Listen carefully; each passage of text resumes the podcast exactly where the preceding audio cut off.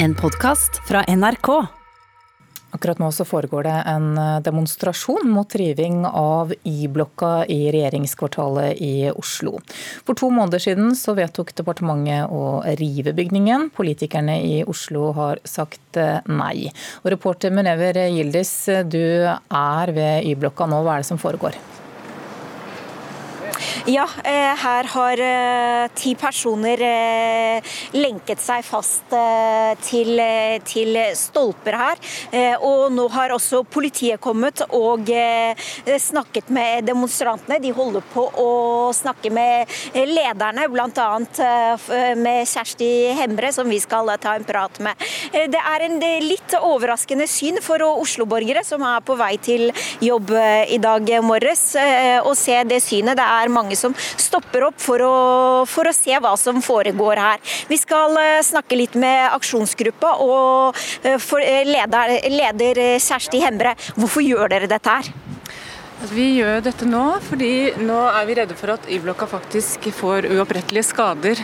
Og det er et demokratisk problem at nå har lokaldemokratiet, altså Oslo bystyre, vedtatt i en høringsuttalelse hvor de mener at vi må se på nedskalering av regjeringskvartalet og eh, mulighetene for å bevare Y-blokka.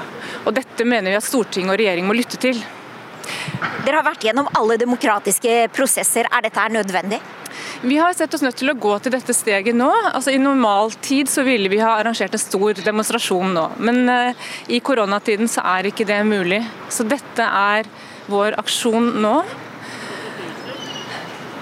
Eh, nå har det både politiet og vekterne her i regjeringskvartalet vært og snakket med dere. Hva er det de sier til dere?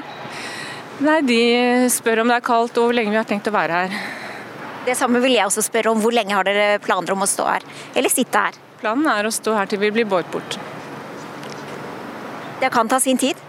Det kan det. Vi har kledd oss godt og vi har eh, provianter med oss. Så det er vi forberedt på. Mm. Hva regner dere med å få ut av denne demonstrasjonen eller aksjonen her?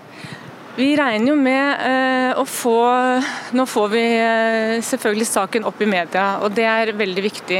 Det Målet vårt er at dette skal kunne tas opp i Stortinget 12. mai i forbindelse med revidert budsjettbehandling, eh, og at Y-blokka da fremdeles står. Og Det mener vi er et minimumskrav, at, at regjering og storting lytter til Oslo bystyre og lar denne saken kommer opp til behandling, og at man ikke i mellomtiden mister uopprettelig, altså unik verdensarv da, som vi har her i Oslo. Det er eh, altså ti stykker som er eh, samlet her eh, utenfor Y-blokka, og noen, av, noen i aksjonsgruppa har lenket seg fast. Det er tre politibiler her. Politiet har allerede vært og snakket med aksjonsgruppa, men de sier altså at de vil sitte her. De er godt forberedt. Vi ser at noen har med seg sitteunderlag, mat og er godt kledd på en kjølig dag her i hovedstaden. Ok, Takk skal du ha, reporter Munever Gildis. Da skal vi til eh, Akershus universitetssykehus, for på morgentimene nå så fikk anestesilegene der en musikalsk overraskelse.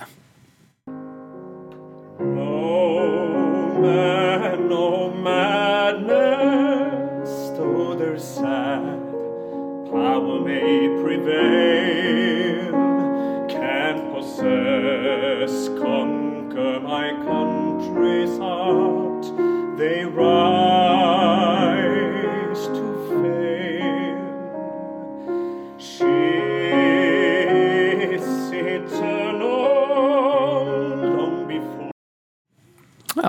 Det var uh, operasanger. Det Marius Roth Christiansen, også bassist i Seimen, som du kanskje husker fra litt tidligere. Akkompagnert av pianist Anton uh, Vågar. Reporter Oda Elise Svelstad ved Ahus nå. Hva er det som har skjedd der i løpet av morgentimene? Klokka halv åtte samla anestesilegene seg her i kantina til det de trodde skulle være et vanlig morgenmøte. Men det de ikke visste, var at jeg skulle bli overraska med musikk av Marius Roth Christensen og eh, pianist eh, Ivar Anton Vågård. Og målet var å hylle eh, innsatsen helsearbeideren gjør i kampen mot korona. Og anestesilege Nicholas Percy Barlow, du satt på første rad og kunne nyte det musikalske øyeblikket. Hvordan var det å bli hylla på den måten her? Det var helt fantastisk. Det er en normal arbeidsdag. Vi skulle komme her og begynne å jobbe, men å få det istedenfor var bare utrolig rørende. Um, jeg tror alle blir litt emosjonelle og satt her fiksert og bare hørte på. Um, og få se på ansiktet alle etterpå som smilte og koret. Det var fantastisk. Og Ahus var jo blant de første som tok inn eh, koronapasienter. Eh, intensivpasienter med korona. Og det har vært en eh, veldig krevende og stor arbeidsbelastning for dere. Ja. Kan du fortelle litt om hvordan arbeidshverdagen er nå? Um, det var i starten veldig um, skremmende, nesten. Og det var tøft og stressfullt. Um, det har roet seg litt. Grann. Vi har litt færre pasienter akkurat nå. Og det har blitt til en normal. Vi klarer å takle det. Og um, ja, alle har så gode prosesser og rutiner for å gjøre det at um, det funker bra nå. Det føles trygt. Mm. Og eh, musikken, denne overraskinga her, der var da et initiativ av avdelingsleder Alf Ødegård. Og eh, han inviterte da deg, Markus Roth Christensen. Hvorfor sa du ja til å være med? Først og fremst så tenker jeg at det var eh, det var liksom på en måte, Jeg tenkte hva kan, hva, kan vi, hva kan, vi, musikere bidra med? Jo, det er det her vi kan bidra med. Og Det er utrolig fint å stå foran den gjengen her. Eh, med tanke på det de er igjennom og alt det de gjør og har gjort. Eh, det er tøft fysisk og psykisk. Så Ivar Anton og jeg vi tenkte at selvfølgelig, det skal vi være med på. Det er veldig hyggelig og veldig gøy. Det er ingen tvil om at mange ble rørt av musikken her i dag.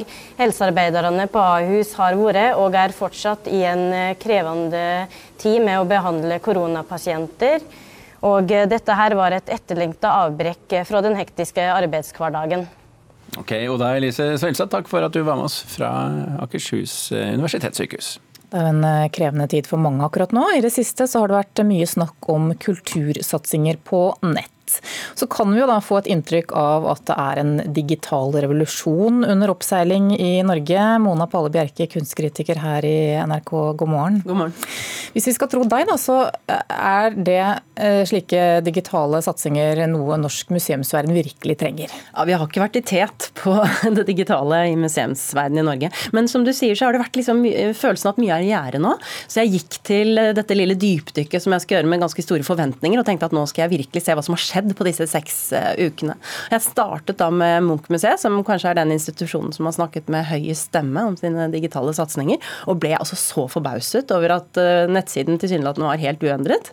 Det første, eller det som lyser liksom sterkest mot deg der, er eh, museet er stengt med store liksom, rød plakat. Så der vises du effektivt bort istedenfor å inviteres inn. Men så jeg finner først Munch-museet på Facebook. Det er klart at hjemmesiden bør jo være hovedinngangen, selv om det er viktig også å være på sosiale medier. Mm, vi hørte jo på Dagsrevyen for noen uker siden, der snakket jo direktør Stein Olav Henriksen begeistret om hvordan en livestream-omvisning trakk til seg mer enn 50 000 besøkende. Og Henriksen grublet også da på om vi kanskje kunne få publikum til å ønske å betale også. Da må de skape noe som er mye mye bedre. Disse livestream-omvisningene det er ganske triste saker i mine øyne. Her er det dårlig foto, dårlig lyd. Eh, og når du kommer tett inn på bildene, som du gjør litt for sjeldent, så er det reflekser i både glasset eller i lerretet som gjør at du ikke kan få studert bildene nøye. Så det er, eh, dette syns jeg var ganske ubehjelpelig til å være en så stor og profesjonell institusjon som Munch-museet. Mm. Så hva med andre museer, f.eks. Kode i Bergen? Ja, Det er litt det samme som Munch-museet. Flat og liksom flat plakat bare, digital plakat. Det har ikke skjedd noe, eh, dessverre. Også her må man gå på Facebook for å se noe i det hele tatt. Eh, og det er jo da eh, på en måte ganske trist å tenke på da den, alle de permitteringene. Her er det egentlig arbeid som kunne vært tenkt å gjøre. Mm. Hele landets nasjonalmuseum, da? Ja, her har det i hvert fall skjedd litt. På, og det er en Lag din egen samling, som er det nye digitale konseptet. og eh, Det er svært mange av museets egne ansatte har da eh, komponert sin egen samling, og invitert også publikum til å gjøre det. og Det er jo en sånn fin og folkelig idé på papiret, men i praksis så fungerer det svært dårlig. For det er liksom 40 000 arbeider, hvor skal du begynne? Eh, selv en besøkende med kunnskap og interesse for kunst vil jo da føle seg ganske hjelpeløs. Det er jo sånn utrolig å bare holde hele verkskatalogen åpen. Vi har jo høyt utdannede fagfolk der for nettopp å foreta sånne valg for oss. Mm. Høres ikke så bra ut ut fra det du sier. Finnes det noen lyspunkter, da? Ja, altså Henny Onsdag Kunstsenter er et lyspunkt. De har også en ganske statisk nettside. Og det er jo ikke sånn at du ser det, de digitale initiativene med en gang, men når du først kommer inn på det nye Art Channel-prosjektet deres, så er det veldig profesjonelt og veldig godt. Ok, Takk skal du ha, Mona Palle Bjerke, kunstkritiker her i NRK. Du har hørt en podkast fra NRK. Hør flere podkaster og din NRK-kanal i appen NRK Radio.